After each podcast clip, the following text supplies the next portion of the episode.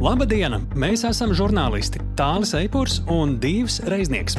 Mūs no sirds interesē, kas notiek Ukrajinā, kā notiekošais tur ietekmē notikumus šeit, kā mēs šeit varam būt noderīgi cilvēkiem tur. Lai labāk izprastu notiekošo, mēs dzenamies pakaļ personīgiem stāstiem, kas iemieso šo eksistenciālo cīņu. Mēs skaidrojam, ko globāla ziņu virsraksts nozīmē šeit, pie mums jo Ukraina cīnās ne tikai par savu brīvību. Ukraina šobrīd ir arī mūsu drošinātājs. Esiet sveicināti, klausītāji! Es sveiks tāli.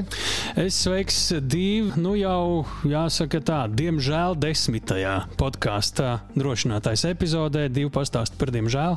Diemžēl mums atkal jātiekas. Jā, nu mēs droši vien labprāt tūlīt pat pārtrauktu šo podkāstu, jo vienkārši vairs nebūtu iemesli tā pastāvēšanai un uh, karš Ukrainā būtu beidzies.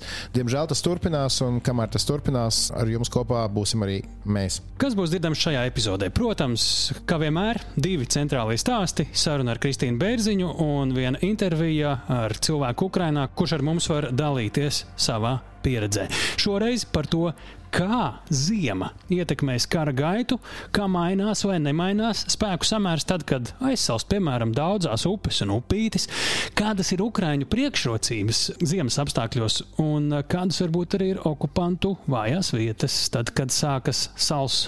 Un arī, protams, par to, kāda palīdzība Ukraiņas armijai tieši ziemā ir visvairāk vajadzīga. Par to mēs runāsim ar Ukraiņas armijas majoru Dmitriju Ivanovu pēc brītiņa.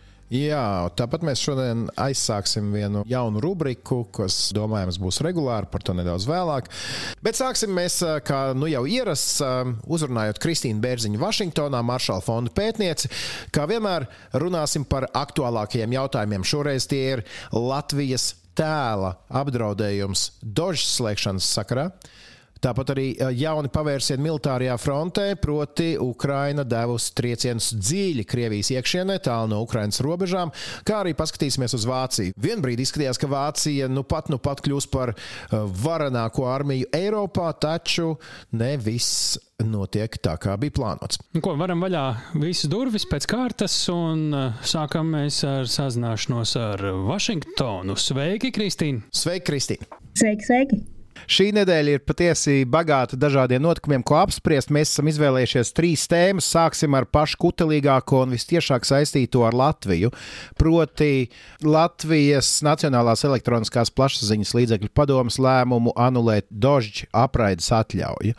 Jāpiebilst uzreiz, ka mēs ar Kristīnu sarunājamies nedēļas vidū, kad uh, acīm redzam, vēl visas detaļas nav skaidrs, bet uh, tas, ko es redzu, pavarot piemēram pasaules preses uh, portālus. Piemēram, BBC raksta, ka Krievijas pēdējo neatkarīgo televīzijas kanālu aizver Latvija tikai pēc pieciem mēnešiem kopš viņi ir sākuši raidīt New York Times. Arī raksts par to, kā Latvijā aizver vienīgo Putina oponentu kanālu, krievalodīgo. Tāpat mēs dzirdam opozicionārus Krievijas, kuri Gāna un Zākā Latviju atspērušies.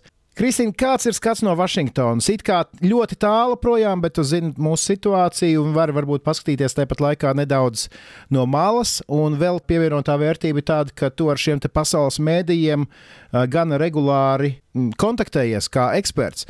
Tad, nu, kāds ir tavs skatījums no Vašingtonas šobrīd?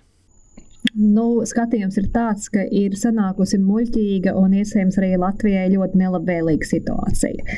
Man nemaz nepatīk pamosties Vašingtonā no rīta un attaisīt New York Times mājaslapu un redzēt tur uzreiz, ka pa Latviju ir runa. Jo vaininieks starptautiskos mēdījos jau uzmet vienkārši aci un neiedziļinās, ka apsties Latviju, ko dara pret Krievijas opozīciju mēdījiem, pret neatkarīgiem mēdījiem. Un, ja kāds neiedziļinās tālāk, kas ir noticis un kāpēc, nu, tad pirmais priekšstats ir tāds, ka, nu, re, kaut ko Latvija ir tagad saputrojusi, un vai Latvija nav no tām valstīm, kuras ir e, nostājušās ļoti pret Putinu.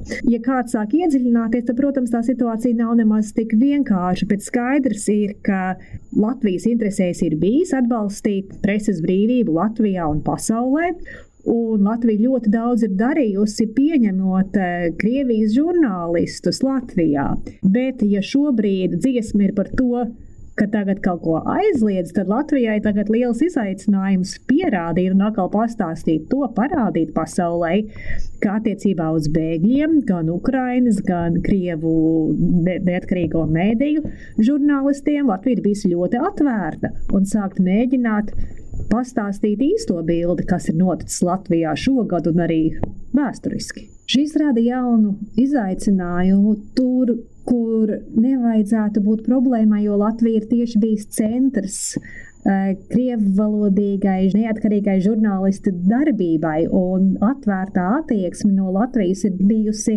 milzīga Latvijas priekšrocība. Tāpēc es tik ļoti arī nožēloju šīs nedēļas situāciju Tādēļ, ka netiek runāts par Latvijas sniegumu šajā laukā, bet tieši par vienas konkrētas televīzijas stacijas vājībām, un runā vairāk tieši par tās televīzijas stacijas lomu Krievijā, nevis par tās stacijas žurnālistu uzvedību Latvijā un Eiropā.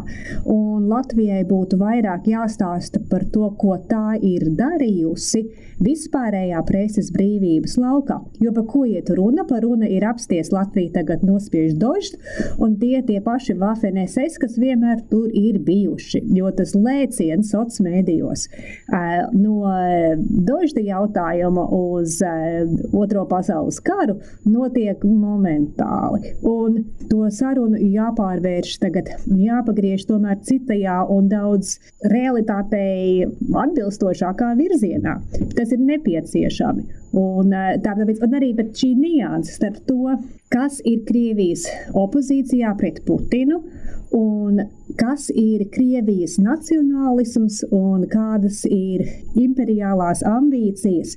Varbūt to niansi tik ļoti bieži rietumu presē neiztirzā. Ir drīzāk priekšstats, ka ir tie, kas atbalsta Putinu, un ka tie pārējie ir tādi vidusmēra rietumu demokrāti, kuri uzskata, ka katrai valstī jāpaliek savās robežās.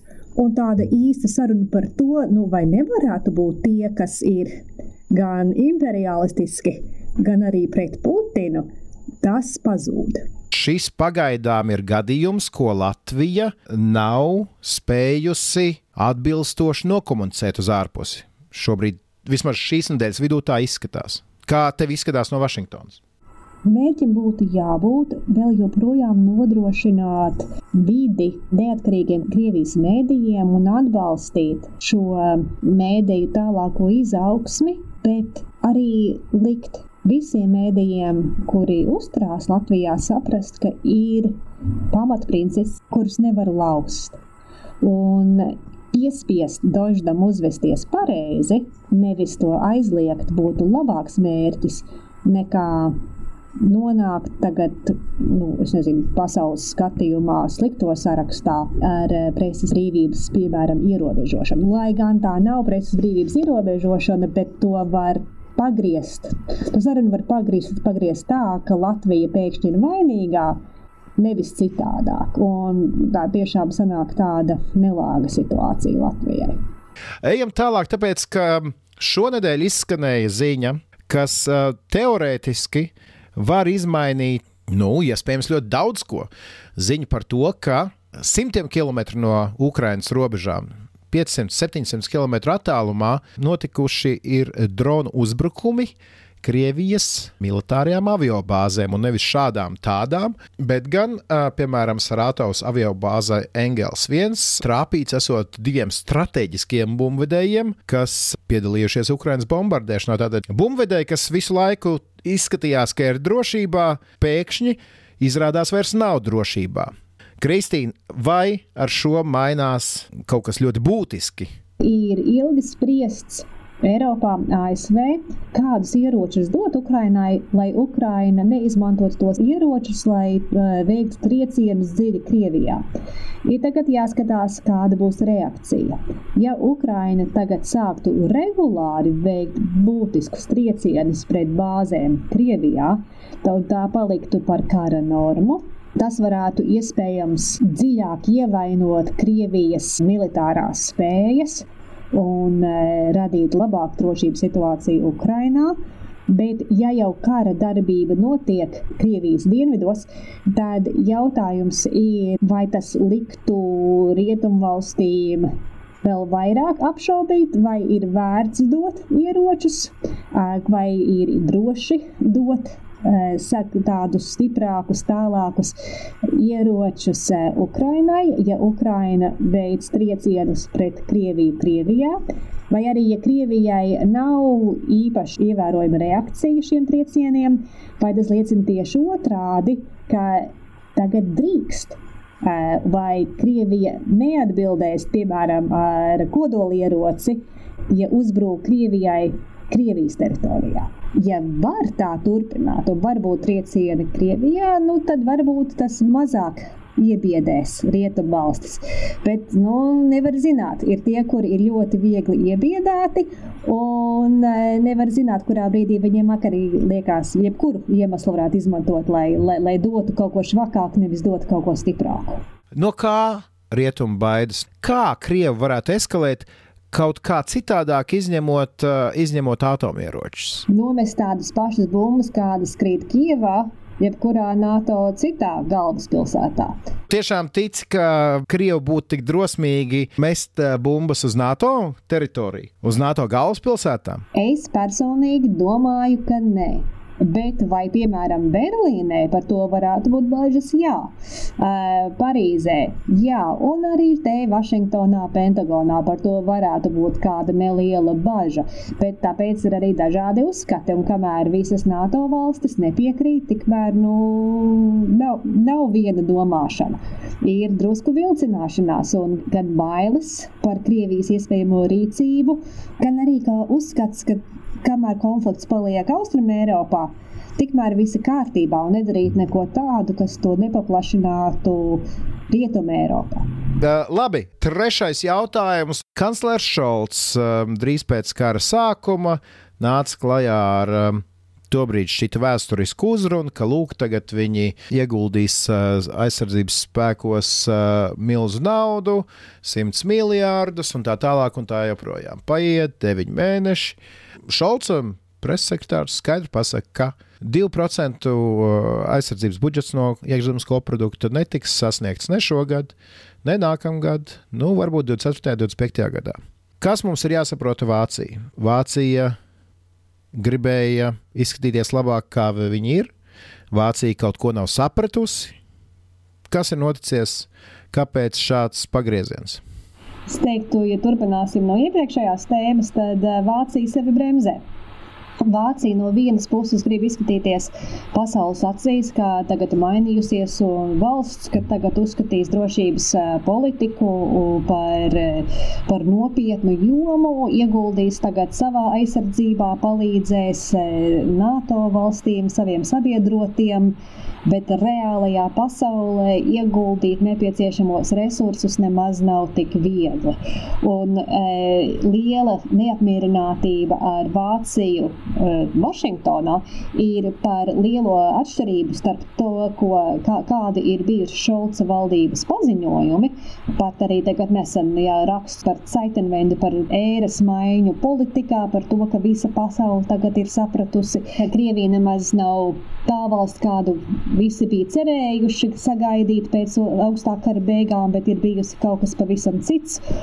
Tagad ne, nepieciešama jauna politika, un e, to visu prezentē kā atklāsmi, milzīgu jaunumu visai pasaulē. Bet, protams, tas izsmēja Centrāla un Austruma Eiropas jau e, gadsimtiem garos uzskatus, ka, ka Krievija varētu būt bīstama. Viena lieta ir proklamācija un, un raksti avīzēs un e, skaistas runas, no otra lieta ir ieguldījumi un karavīru ekipējums un klātbūtne un uh, arī ziedojumi Ukrainai. Un tas ir kaut kas pavisam cits un labāk būtu nerunāt tik skaisti un uh, ne, ne, nesolīt divus procentus un nesolīt milzīgu ēras maiņu, ja pieeja ir tā pati vecā un nemaz nav iespējams savu valsti tik ātri pagriezt. Drīzāk tad ir sarūktinājums ar Vāciju, uzskata, ka tā kārtējo reizi tagad ir visus tagad savu sabiedroto tos pievīlusi.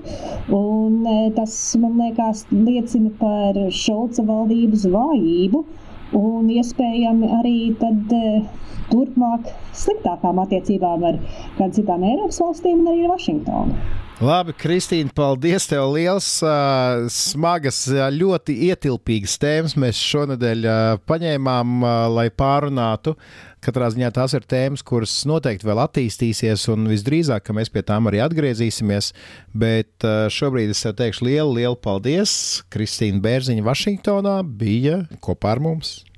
Paldies, Dīva! Paldies, Kristīna! Ļoti, ļoti vērtīgas atziņas un leņķi, kuri varbūt šobrīd ir izskanējuši vēl nedaudz mazāk, plašāk, bet man liekas, par šo Dodge stāstu te mums ir jāņem vērā. Nu, būsim godīgi, pasaulē mūs līdz niansītei nekad īsti līdz galam nesapratīs, un mums galvenais ir pašiem saprast, ko mums vajag, ko mums nevajag, un kas Latvijai ir svarīgi šajā ziņā. Protams, ka tēls pasaulē ir svarīga lieta, bet bieži vien tā ir būšana, kura iet arī savu ceļu, un mēs ar, ar savu eh, svāru, kāds nu viņš ir pasaulē, tur neko daudz nevaram ietekmēt. Eh, domājam par sevi, skatāmies uz sevi un eh, pieņemam paši savus lēmumus.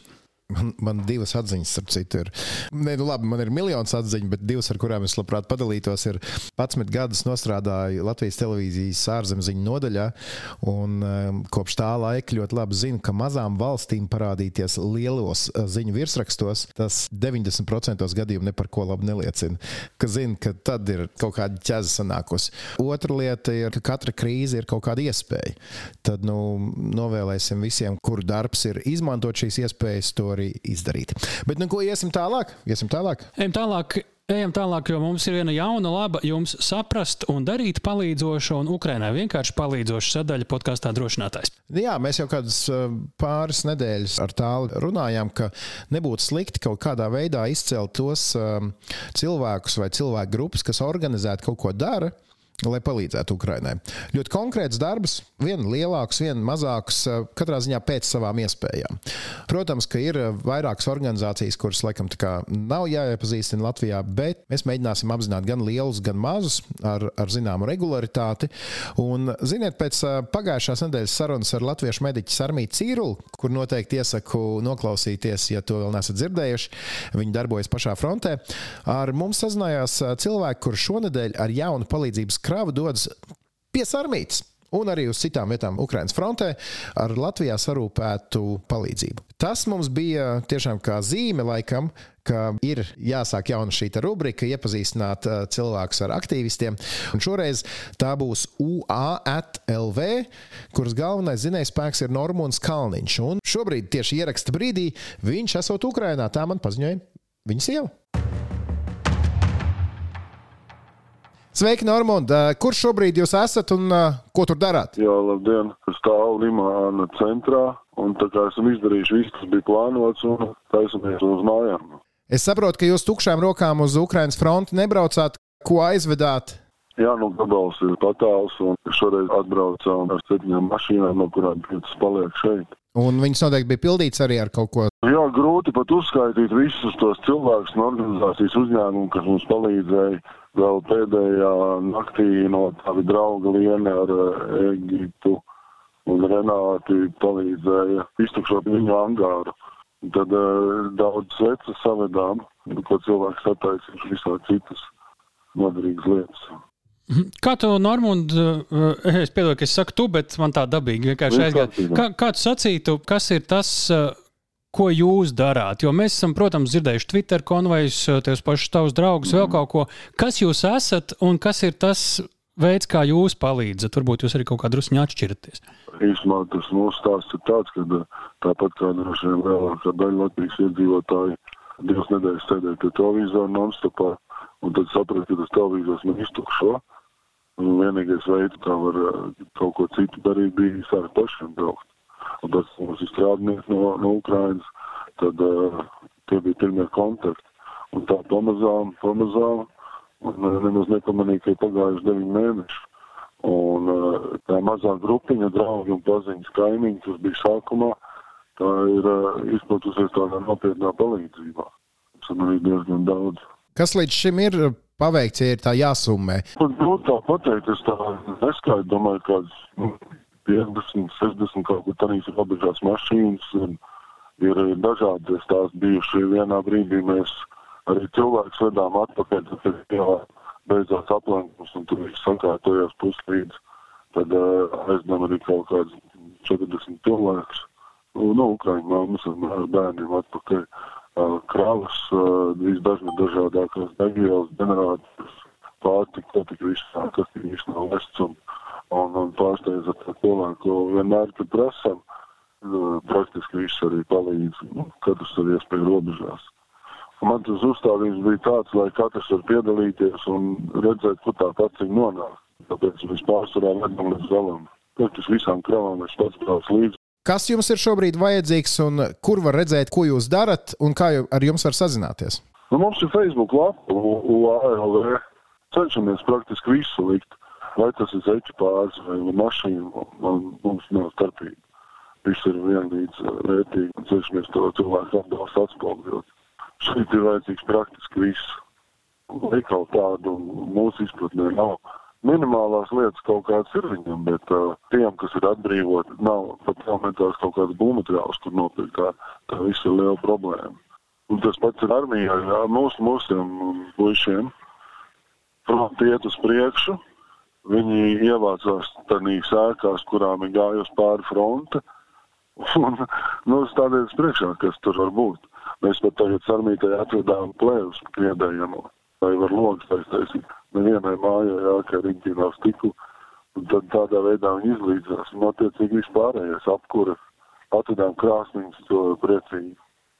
Parastās božu, božu, kā viņi sauc, jotu krāsniņus. Kas armītē sokas?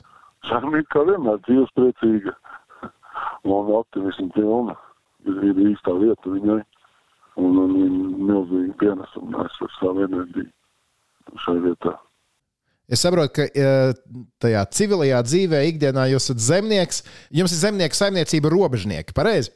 Jā, Mūrjāņu pusē. Savam pamatdarbam laika vēl vispār atliek? Jā, pateicās manam kolektīvam un ģimenei, kas atbalsta viennozīmīgi no pirmās dienas. Tāpēc arī es braucu, ja praktiski darbā neesmu bijis šos deviņus mēnešus. Labi, milzīgs jums paldies, jo jūs arī darat izcilu darbu. Un atgādināsim, tātad, ja kāds ir sadzirdējis Normundu, viņš saka, ka šobrīd vajadzīgs ir gandrīz viss. Uzmeklējiet Facebook grupu UALV un rakstiet. Rakstīt jums vienkārši vēstuli, ja, Facebookā, un tad arī Oh, jā, mums tālāk. labāk WhatsApp uzrakstīt. WhatsApp numurs Facebookā ir atrodams, ja? Jā. Izcili. Paldies Dievam. Labi, liels paldies, Normund. Tas Jā. bija Normons Kalniņš, Dombiedra grupas UALV galvenais dzinējspēks un zemnieks. Sveicieni jums no Sarmītas visiem! Paldies! Jā, nu sveiciens visiem latviešiem un visiem ukrāņiem, kurus satiekat pa ceļām. Drošinātājs ir ar jums. Nodošu. Klausieties arī jūs, jā, paldies! Atā. Paldies! Jā. Protams, klausītāji, tas ir viens ļoti labs mājiens ar ļoti labu mietu jums, ka šī ir viena no iespējām, kā arī jūs varat nākt tālāk un palīdzēt. Tik tālu viena iespēja, kā mēs varam palīdzēt, bet kam mēs varam palīdzēt, tas savukārt ir stāsts par nākamo varoni. Un arī kā karavīriem Ukrajinā var palīdzēt ziemas iestāšanās, jo tie dubļainie skati, kuri bija te pēdējās nedēļās no Ukraiņas ierakumiem līdz ceļiem ūdenī un dubļos, nu, tie bija vienkārši baisi. Vai ziema nāk kā vēl nākamais izaicinājums un draudz, vai tieši otrādi atvieglojums? Tieši tā, jo uh, ziema nu jau kā tāds mitoloģisks tēls ir runās par darbībām frontes līnijā jau vairākas nedēļas, minot par to, ka jā, dubļi ir neizbraucami, atnāks ziema, tad uzreiz viss mainīsies. Vai tā būs? Kā tas būs? Un ko ziema nozīmē, esot tranšajā? Ja? Tas bija jautājums, ko Vismaz es ļoti gribēju uzzināt, un tālis nāca tālāk un atrada vienu karavīru tieši Ukrainas ziemas ierakumos. Tas ir Dmitrijs, bet es vairāk neko arī neteikšu. Viņš pats ar sevi iepazīstinās. Un, un kā vienmēr, ja drošinātāja intervija nav latviešu valodā, mēs nodrošinām iespēju klausīties divus variantus - tulkojumā un oriģinālā valodā. Tad vienkārši jāizvēlas otra podkāstu versija. Es ceru, ka jūs klausāties jau to versiju, kura jums dara labāk, bet tagad klausāmies sarunu ar Dmitriju. Klausāmies! Доброго дня! Доброго дня. Добр, добрый день. Да. Lūdzu, izstāstiet par sevi, par uh, savu pieredzi un uh, par to, ko šobrīd darāt. Меня зовут Дмитрий, я офицер Вооруженных сил Украины, звание майор. Войну начал в 2014. Mani sauc Dmitrijs. Es esmu Ukrainas bruņoto spēku virsnieks, pakāpe majors. Karot sāku 2014. gadā, vēl pat pirms to nosauca par antiterorismu operāciju. Kopš tā gada marta man ir bijuši dažādi pienākumi, gan vienkārša kainieku vada komandieris līdz 2015. gadam Biju speciālo uzdevumu vienības virsnieks, pēc tam pārcelts uz jūras kainiekiem, bet tagad esmu jūras kainieku pārvaldes virsnieks jau pulka brigādes operatīvajā taktiskajā līmenī. Tātad man ir zināma pieredze kā taktiskā līmenī, tā arī operatīvajā. Var teikt, ka šāda tāda pieredze karošanā man tomēr ir. Tā apmēram уровне, так уже немного на оперативном уровне. Ну, определенные компетенции в войне, я считаю, у меня все-таки есть. Ну, примерно так. Un līdz karam, kas jūs? Это интересно, да.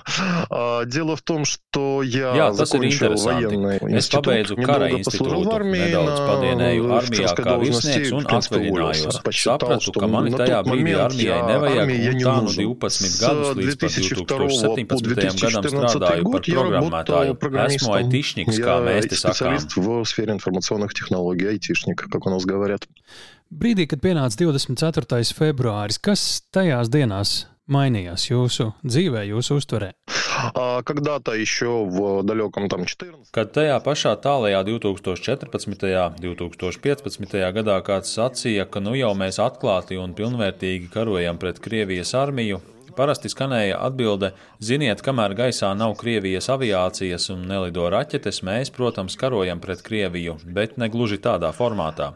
24. februārī mainījās kara formāts. Pret mums tika ieslēgts pilns Krievijas armijas spēks. Mēs to gaidījām, bet tā vai tā tas mums bija ļoti smagi. Būsim atklāti līdz galam. Mēs gatavojāmies tādam karam, bet teikt, ka mēs būtu gatavi ilgstoši karot, nu nezinu. Tas jau ir sarežģīts jautājums, jo mēs lieliski apzinājāmies, ka vienatnē mums noturēties būs ļoti grūti.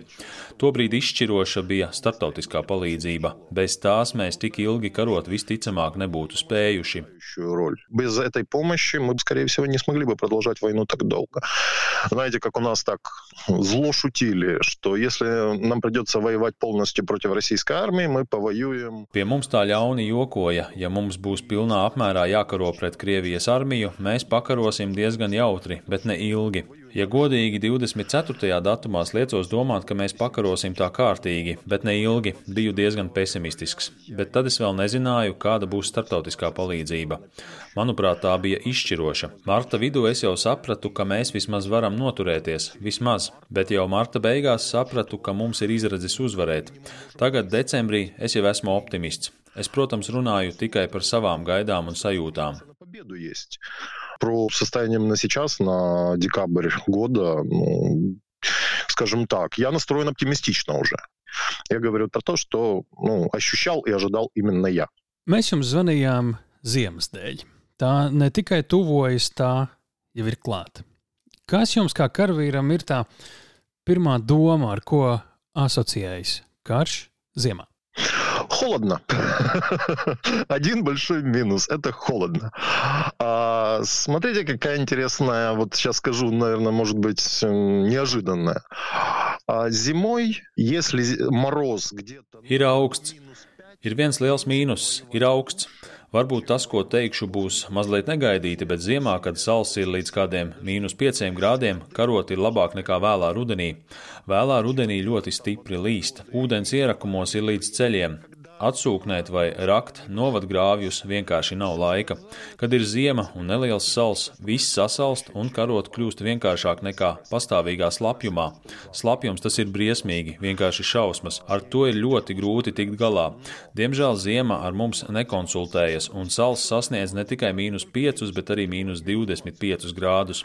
Un tad jau ir krietni skumjāks skats. Tur parādās ļoti daudz apsvērumu. Varu izstāstīt, kā tas ir vienkārša karavīra un vada līmenī. Piemēram, augstums. Karavīram ir jāsaģērbjas, viņam vajag siltu ēdienu, viņam nedaudz vairāk jāēd, lai kompensētu enerģijas zudumu. Tālāk maskēšanās. Ziemā tā ir sarežģīta. Tagad izplatīti ir termovizori. Ja kādas blindāžas krāsnī ir skurstenis, tas neizbēgami ir karsts.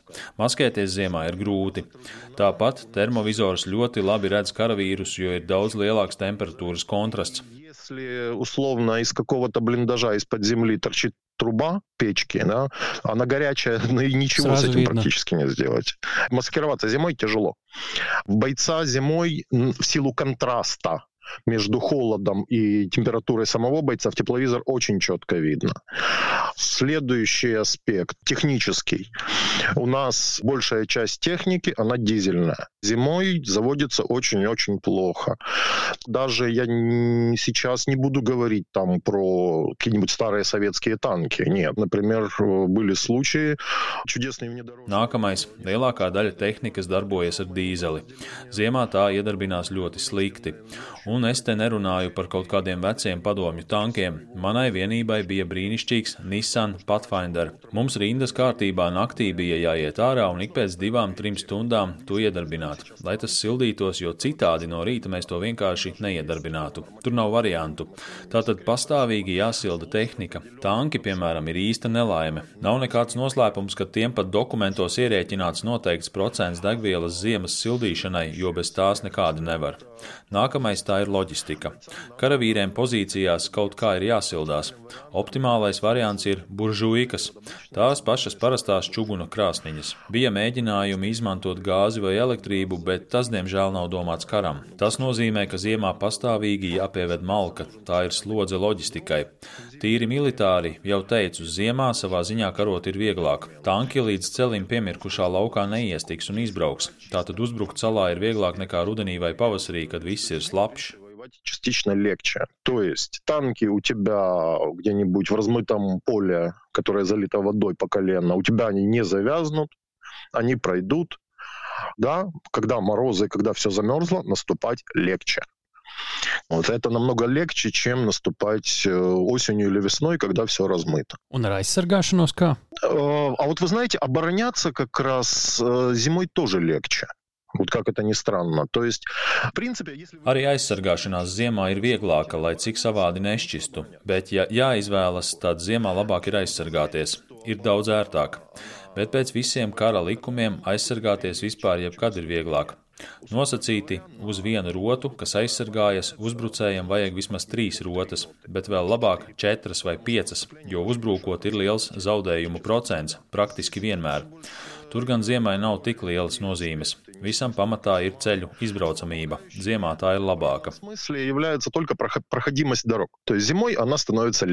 No arī tad, ja sasniedz, nu, jau piemēram no Latvijas, drīz jau uz Ukrajinu būs aizvests kāds tūkstotis bezceļa auto, cita transporta, visi uz riteņiem. Nu, tur taču sniegs var traucēt.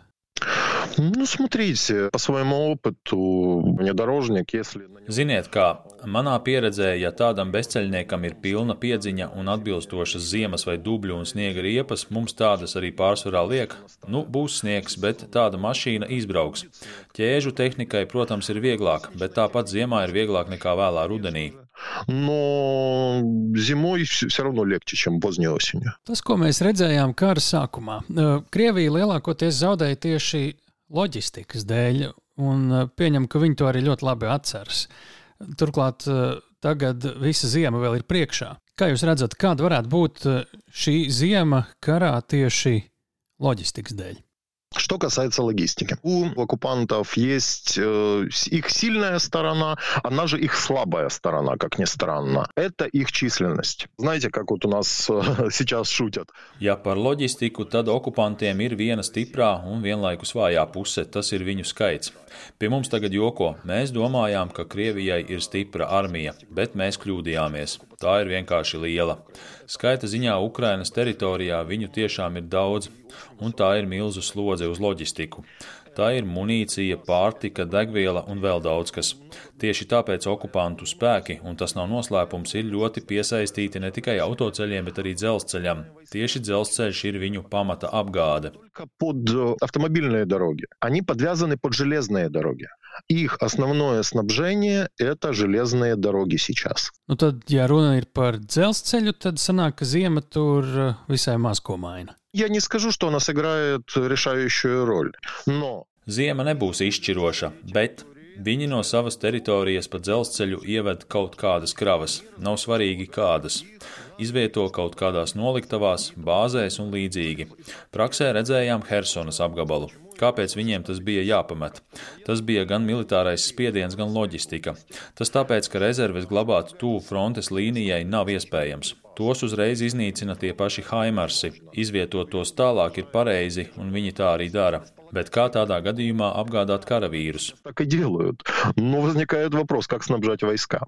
Nu, Tad jau savu lomu sāk spēlēt ziema. Совершенно верно. Тут уже появляется аспект автомобильных дорог. То есть с этих баз они должны возить грузы своим войскам, своей группировке. Уже... Tieši tā, tur jau parādās autoceļu aspekts, jo citādāk no bāzēm apgādāt karavīrus nevar. Vispirms jau tā ir liela ekonomiska slodze. Turklāt nav nemaz tik svarīgi, ka ceļi ir slideni vai aizsniguši. Tas ir otršķirīgi.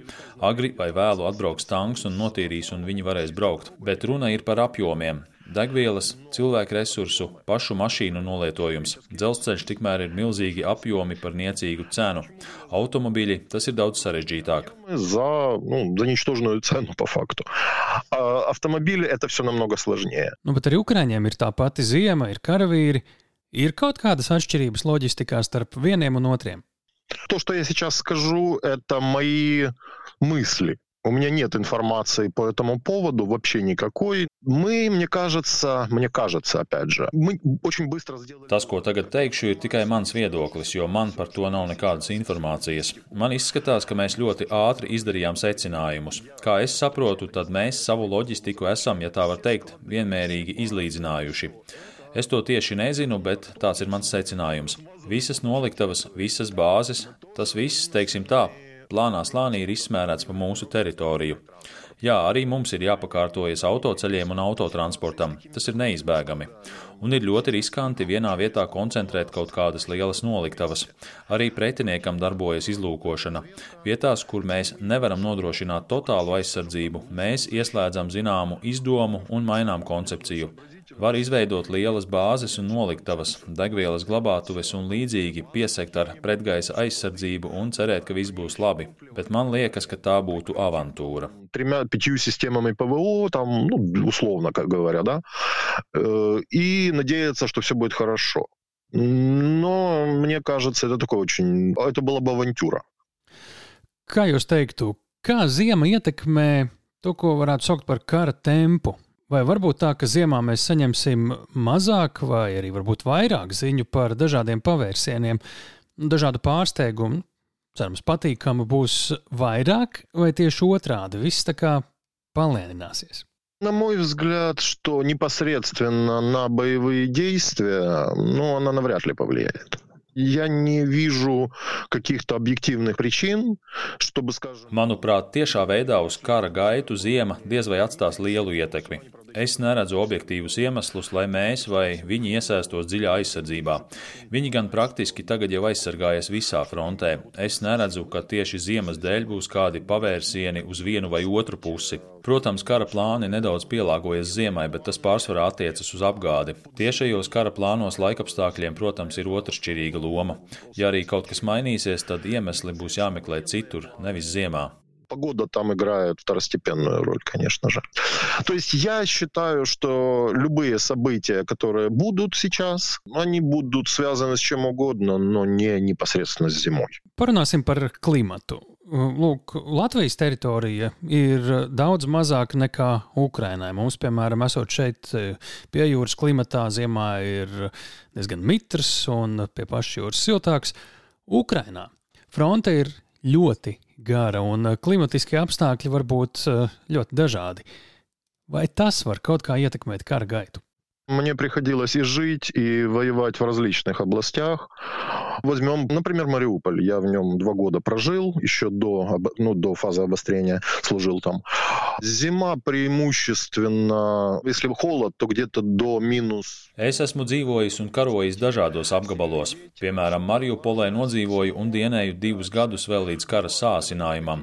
Ziemā pārsvarā tur ir tā, līdz mīnus 5 grādiem stiprs vējš un liels mitrums, bet ir bijušas arī dienas un nedēļas, kad ir mīnus 25, mīnus 27 grādi. Priekš Mariupoles tas ir ļoti augsts laiks, bet, piemēram, Hersonā un Odesā ir nedaudz siltāks, cik pats novēroju. Hersonā augstums parasti iestājas pēc jaunā gada, tas ir janvārī, februārī. Ja skatāmies ziemeļu apgabalus, Kīvu, Sumus, Černihivu, Harkivu, tur diezgan stabili ziemā ir 0, mīnus 5, un arī Donbasā ir līdzīgi, bet tur ir specifika. Doņetskas un Luhanskas apgabalos ir stepe, kaila stepe. Tur jāskatās ne tik daudz vidējā temperatūra, kā lielās svārstības. Piemēram, Luhanskas apgabalā vasarā var būt plus 25, bet naktī jāvelk ziemas jaka, jo kļūst augsts. Там разница даже не столько в общей температуре, сколько в перепадах. Например, в Луганской области летом может быть плюс 25, а ночью ты одеваешь зимний бушлат, потому что становится настолько холодно. Un kā tas ietekmē karošanu ziemā? то, что ты, ты, ты, тебе приходится с собой носить очень много зимних вещей. Потому что даже летом тебе может быть ночью очень даже холодно. А... Tas nozīmē, ka tev līdzi jānēsā ļoti daudz ziemas mantu, jo pat vasarā tur var būt pat ļoti augsti. Piemēram, Luhanskas apgabalā 14. un 15. gada ziemā sals sasniedza pat mīnus 28 grādus. Ap jauno gadu mēs ģērbām mugurā visu, kas mums bija. Ko tas dod? Ja temperatūra ir ļoti zema, cilvēki apsaldē locekļus un nevar iedarbināt tehniku. Nekā cita tāda nav. Bet, ja skatās no militārās puses, tad aizsalst upes. Tādā augstumā var aizsalt pat diezgan straujas upes. No tā, protams, iegūst uzbrukošā puse, jo viņiem ir aktīvi jāpārvietojas. Ja paskatāmies kartē uz frontes līniju, mēs redzēsim, ka daudz vieta tā iet tieši pa upēm. Upe atvieglo aizsardzību un sarežģīja uzbrukumu. Ja tai uzsalst piemēram 50 cm ledus, tad pat to var braukt pat tanki. Stiprāks sals, maza upīte bez lielas straumes, tas ir pilnībā iespējams. Kāpēc ne? Если же она замерзнет, то, по-моему, 50 сантиметров льда позволяет уже пускать даже танки. При сильном морозе небольшая, небольшая речка, у которой не очень активное течение, да, почему же нет? Свободно. То есть, если температура, скажем, минус 18, минус 20 продержится хотя бы там dņi 5, nu все. Ja temperatūra mīnus 18, mīnus 20 noturēsies vismaz kādas 5 dienas, pusmetrs uzsals pavisam droši. Šādā gadījumā varēs uzbrukt. Upju mums ir daudz, un tas atvieglo uzbrukumu. Var nedomāt par to, vai izturēs tilts vai to neuzspridzinās. Nevajag meklēt braslu, nevajag organizēt inženierus uzbēruma veidošanai. Ir ledus. Vienīgais mīnus ir, ka tāda situācija ir neprognozējama. Šodien ledus ir, rīt kļūst siltāks un ledus kūst. Tas sarežģīja jebkādu plānošanu. Var ņemt vērā laika prognozi, bet tikai ļoti aptuveni, diemžēl. Можно примерно прогнозировать по прогнозу синоптиков, но это очень-очень приблизительно, к сожалению. Lūk, klausās jūs tagad cilvēki šeit Latvijā un domā, vai tas, ko mēs nu pat dzirdējām par ziemu un salu, ir pamats vairāk tā kā cerībām vai bažām? Вы знаете, я, я, я скажу так, могу судить по людьми, с, с которыми я общаюсь каждый день. Да? У украинской армии в связи с зимой никакой беспокойности. Ziniet, spriežot pēc cilvēkiem, ar kuriem sarunājos katru dienu, Ukrainas armijai nekādu nopietnu bažu attiecībā uz ziemu nav. Paskaidrošu. Mēs karojam ne jau pirmo gadu.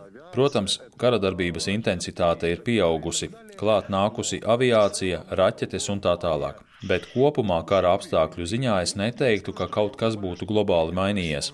Karavīrs tāpat kā iepriekš dienu un sildās ierakumos. Atšķirība ir tā, ka ir arī aktīvāk jākaro. Tas arī viss. Tāpēc es varu diezgan pārliecinoši teikt, ka šai ziemai armija ir gatava. Tieši armija. Ja kaut kas būtiski ietekmēs mūsu armiju, tad tā nebūs ziema. Cita lieta ir, kā tas ietekmēs valsti un civiliedzīvotājus. Tas jau ir sarežģītāk. это в целом за государство и за гражданское общество. Тут немножко сложнее, конечно же. Bet paliekot vēl pie militārās tematikas, jūs sakāt, Ukrainas armija ir gatava ziemai, bet eh, kā ziemas laikā varētu mainīties tas spēku samērs salīdzinājumā ar pretinieku? Вот я недаром отметил, что мы уже не, не первую зиму воюем. Что касается армии оккупанта, Nevelties teicu, ka mums šī nav pirmā ziema karā, kas attiecas uz okupantu armiju, lai ko viņi arī nestāstītu par savu gatavību Krievijas ziemām un par pasaciņām par ģenerāli Salu jeb Morozu, viņiem līdz šim nav bijusi pieredze karā ziemā pret pilnvērtīgu armiju. Jā, it kā bija tas pats karš Čečenijā. Sīrijā neskaitās, tur ir cits klimats, bet tā vai tā, viņi nav ziemā karojuši pret citu armiju. Viņiem daudzas nianses, ko mēs labi zinām un esam apguvuši un pārbaudījuši, būs jaunums. Которым нам уже давно известны и обкатаны нами, проверены уже, для них будут новостью. Piemēram, Это, это я не хотел бы озвучивать, это чисто... Es īstenībā negribētu par to stāstīt, bet tie patiesībā ir it kā sīkumi. Tie pat nav noslēpums, tie ir tādi life hack jeb dzīves gudrības. Tās zina karavīri, zina brīvprātīgie, kuri aktīvi palīdz armijai. Tādi it kā sīkumi, bet tādu ir daudz. Незначительные, казалось бы, мелочи, но их много. Ja reiz jūs pieminat brīvprātīgos, jūsu Facebook var lasīt, ka palīdzēt var ļoti dažādi. To var darīt gudri un prātīgi, bet var sagādāt arī kaut ko it kā ļoti labu, kas varbūt nevienmēr tiešām ir vajadzīgs un nav arī pārāk taupīgi. Ja runājam tieši par palīdzību un ziemu, vai tur ir kādi svarīgi uzsvari, kuri būtu jāsaprot? Если мы рассматриваем тактический уровень, да, там уровень небольшого подразделения, ну что нужно? нужно... Ja mēs runājam par taktisko vai nelielas vienības līmeni, tad mums deficīts Ukrainā šobrīd ir dubļu riepas. Tās izpērk ļoti ātri, jo transporta caurbraukšanas spējas jautājums ir ļoti izšķirošs. Ja par siltām drēbēm, tad armija šobrīd ir vairāk vai mazāk apgādāta. Melošu, ja teikšu, ka karavīriem tādu nav, bet karavīru apgādā pēc noteiktiem standartiem. Tur divi pāri termoveļas, četri pāri zeķu un tā tālāk. Ja viņiem uzrādīsies vēl divi pāri labu zeķu, būs tikai labāk. Tās tomēr ir jāmaina, jāmazgā, jāžāvē. Un vēl viens interesants aspekts. Tie ir daži akumulatori un strāvas avoti. Ziemā viņi ātri nolietojas vai izlādējas. Tiem pašiem droniem, jo salā dronam baterija izlādējas daudz ātrāk. Tas atkal jānosēdina un jāmaina baterija. Конечно, потому что на хол, дрон, который летит на морозе, батарея разряжается гораздо быстрее. То есть надо его сажать и менять батарею на другую. Что там еще можно рассмотреть? Вот сейчас очень активно наши волонтеры покупают химические грелки. Там идет солевой раствор и такой маленький пускатель. На него нажимаешь, Vēl mūsu brīvprātīgie aktīvi pērk ķīmiskos sildītājus. Tur ir sāls šķīdums un maziņš slēdzītis. To nospiež, šķidrums sacietē un uzsilst līdz pat 50 grādiem. Pēc tam ieliek karstā ūdenī un to atkal var lietot. Stāvot postenī, tādu ieliek iekškabatā un jau ir siltāk. Tāpat tagad populāras kļūst elektriskās zoles, kad jāstāv ilgi uz vietas, ziemā izsalst cauri pat labākajiem apaviem, Tādu elektrisko zoli pieslēdz akumulatoram kabatā. Savu maiņu var nostāvēt siltumā. Tādu sīkumu ir daudz, bet tā vai tā galvenās grūtības ziemā būs nevis armijai, bet gan civiliedzīvotājiem. Armijā viss ir vienkāršāk. Основную все-таки тяжесть зимы на себе будут выносить не армия, а именно гражданские, к сожалению. В армии во многом проще. Mēs zinām, ka okupantu rindās ne visi ir vienādi. Tur ir kadīrovieši, vagnerieši, mobilizētie. Kādas sekas šādām atšķirībām okupantu armijā var парадīties tieši ziemas dēļ? Не знаю, мне кажется, что зим, зимой в этом, в этом плане будет все то же самое, что и летом. Да, у них очень выс, высокая этническая разобщенность. Мне кажется, что с точки зрения Man liekas, ka ziemā tur būs tās pašas problēmas, kas vasarā. Viņiem ir lielas etniskās atšķirības. Taktika, manuprāt, viņiem ziemā būs līdzīga jau pielietotajai. Ja paskatās, kā notiek karošana tajā pašā Bahmutā, tie paši vāgnerieši izmanto savarvētos ieslodzītos, nemaz neskaitot. Tāda kanibālistiska viļņu taktika.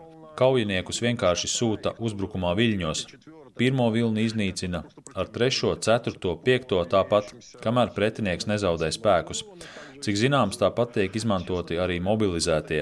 Godīgi sakot, pirms kara es pat iedomāties nevarēju, ka viņi pret savējiem izturēsies tik mežonīgi. Es pat iedomāties nevaru, ka mūsējiem būtu tik nospļauties par saviem karavīriem у нас настолько ну, наплевательски относились к своим бойцам. Cik tad būtiski lielāks ienaidnieks okupantiem var izrādīties ziema, ja salīdzina ar Ukrāņiem? Nu, vai nebūs, piemēram, daudz tādu, kuri ies bojā nevis no artērijas, mīnām vai droniem, bet tieši ziemas dēļ? Так и будет от зимы. У них... Tas arī notiks. Viņiem ir lielas apgādes un loģistikas problēmas. Kad sākās mobilizācija, viņiem bija grūtības savējos apģērbt pat vienā formas komplektā. Savākt lielu baru nav grūti. Grūti ir viņus apgādāt, apbruņot un apmācīt. Обеспечить, вооружить и обучить. Un ko mēs tāpēc redzēsim ziemā un ziemas dēļ? Мы увидим, смотрите, ну, можно, конечно, допустить. Я не скажу, что это сыграет решающую роль, но это будет. Мы увидим э, межэтнические конфликты внутри, да, когда там, условно говоря, какие-нибудь кадыровцы будут сидеть в тепле и в комфорте, а мобилизованные из какой-нибудь условной Тулы будут э, греться у маленького костерчика. Varbūt tas nenospēlēs izšķirošo lomu, bet es varu pieņemt, ka mēs redzēsim iekšējos etniskos konfliktus, kad, piemēram, tur kādi kadīrovieši sēdēs siltumā un ērtībās, bet mobilizēti vietēji no, piemēram, Tulas sildīsies pie ugunskuriņa kaut kur ārā. To mēs redzēsim. Tam nebūs izšķirošas lomas, bet tas ietekmēs morāli psiholoģisko stāvokli. Par spīti spēcīgajai propagandai, sirds dziļumos viņi saprot, ka ir agresori un okupanti. Jo viņiem sliktāks noskaņojums, jo mums labāk. Jo, lai arī negribu lielīties, bet mūsējiem neesmu novērojis nekādu nolemtības noskaņojumu. Jā, ir brīži, kad ir bail vai citas grūtības, bet tā, ka ienāktu prātā doma, ka jāpārstāj karot, jāmēģina vienoties, atrast kompromisu, ko tādu es neredzu ne karavīros, ne iedzīvotājos. Nekas cits kā uzvara mums nederēs. Как-то давайте как-то сойдемся там на, как, на каком-то компромиссе. Нет, я такого не вижу. Я не вижу этого ни среди военных, ни среди гражданских. То есть мы, мы понимаем, что нам, нас кроме победы не устроит ничего. Krievija Ukrainai uzbruka februāra beigās, tad tuvojas arī ziemas beigas. Bet tas neliecina, ka viņi kaut kādā veidā tomēr baidījās karot ziemā un tāpēc neuzbruka agrāk, ka viņi pat pie iniciatīvas karā ziemu uztvēra nu, kā tādu pietiekami nopietnu šķērsli, vai arī tomēr ir citādi. Понимаете, для таких операций это стратегический уровень. Да, там оцениваются все факторы, однозначно. У нас много есть версий, почему они начали именно в конце февраля. Redzēt, tādās strateģiskās operācijās noteikti tiek ņemti vērā visi faktori, bet mums ir daudz versiju, kāpēc viņi uzbruka tieši februāra beigās. Viena no populārākajām - viņi gaidīja, kad beigsies Olimpiāda Pekinā, bet arī ziemu nedrīkst norakstīt no apstākļiem. No citas puses, marts Ukrainas ziemeļu apgabalos tur joprojām var runāt par ziemu, vēl ir augsts un ir sniegs. Tāpēc man liekas, ka ja arī ziema tika ņemta vērā, tad noteikti nekā izšķirošs apstākļis. Vēl jau vairāk atcerēsimies, ka uzbrukums notika pa lieliem asfaltētiem ceļiem. Viņi nerēķinājās ar karu. Tāpēc domāju, ka ziema nebija izšķirošs apstākļis. Manuprāt, iemesli bija vairāk politiski. Что зима была там каким-то решающим аспектом. Я считаю, что там причины были больше, скорее, политические. Mēs vienmēr beigās jautājam, ko jūs gribētu, lai jums novēl. Для меня, как для военного, это понимание необходимости того, что ты делаешь, и правильности того, что ты делаешь. Поддержка, которую мы видим, мы военнослужащие, ну, она помогает очень сильно. Я не могу сейчас пожелать... Man kā karavīram gribētos, lai man novēl, ka tas, ko es daru, ir kādam ļoti nepieciešams, ka tas ir pareizi. Atbalsts, ko mēs karavīri saņemam, ļoti, ļoti palīdz. Bet, ja par novēlējumu armijai, tad nav nekā tāda īpaša, jo šobrīd mūsu armijai ir situācija, par kuru jāsaka, varam karot. Mums ir komandieris, kam armija uzticas, mums ir tauta, kas mūs atbalsta. Mēs arī, ticiet man, ļoti, ļoti labi redzam un novērtējam starptautisko atbalstu, un pat nav svarīgi, kādu tieši. Tas tikai nostiprina sajūta, ka tas, ko es daru, tas ir svarīgi un tas ir vajadzīgi.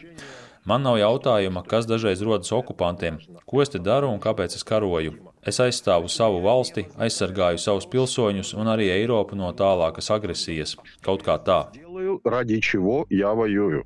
Я отстаиваю свою страну, защищаю своих граждан, и я тем самым также прикрываю Европу от дальнейшей агрессии. Все. Как-то так. Kaut kā tā. Jautājumi man vēl ir daudz, bet uh, pagaidām ir jābeidz saruna. Paldies jums, Dmitrij! Paldies Dmitrijam, paldies tev tālu par šo sarunu. Nu, ko, jā, tiešām liels paldies Dmitrijam. Viņš tiešām ir ļoti atsaucīgs, uh, ierodoties attālināt uz šo sarunu. Un tas, ko viņš uh, vairāk kārt arī uzsvēra vēl pirms un pēc ieraksta, ir, ka jā, armija tiks galā. Tā, protams, ir ļoti tāda veldzējoša ziņa, šāda pārliecība no Ukraiņas uh, armijas amatpersonas, bet viņš saka, daudz grūtāk klāsies civilajiem. Par to viņam tiešām ir nopietnas bāžas, un uh, tas noteikti būs temats, par ko mēs šīs ziemas laikā visticamāk nevienā leņķī pieskarsimies arī podkāstā drošinātājs. Un vēl viena lieta, ko Dmitrijs ļoti īpaši vēlējās uzsvērt, ir liela un lielais paldies arī Latvijai. Latvijas cilvēkiem, Latvijas iestādēm, kas ir visdažādākajos veidos palīdzējušas un arī palīdz ar jebko. Dzirdējām dažādus variantus jau sarunas laikā, un vaicājus viņam arī pēc tam, nu, vai viņš ir redzējis kādu reālu Latvijas palīdzību. Viņš saka, protams, nevar nepamanīt automašīnas, bruņojumu, nevar, viņš teica, vēl daudz ko stāstīt. Starp citu, jā, tas ir interesantais, ko es gaidu pēc kara beigām.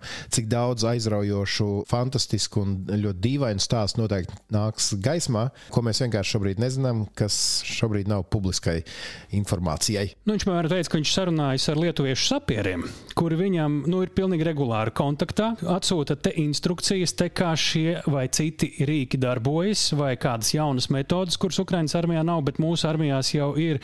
Viņš saka, tā komunikācija ir ļoti bieža, nepārtraukta un ļoti svarīga. Nu, ko, ja jūs gribat, varbūt Dmitrijam kādu vārdu veltīt, sūtiet mums e-pastā drošinātājs at Latvijas Radio LV. Mēs nodosim tālāk Dmitrijam. Vai arī, ja jūs vēlaties, lai mēs uzrunātu kādu cilvēku vai ar Kristīnu pārspriestu kādu jautājumu, kas jums varbūt nav skaidrs, vai kur jūs gribat dzirdēt kādu citu viedokli, rakstiet mums, ja jūs kaut ko komentējat Twitterī, ierakstiet hashtag drošinātājs. Un kā lai es to negribētu teikt, no acīm redzam, tiksimies pēc nedēļas. Un atcerieties, drošinātājs skaidri un personīgi par karu Ukrainā. Raidieraksts drošinātājs.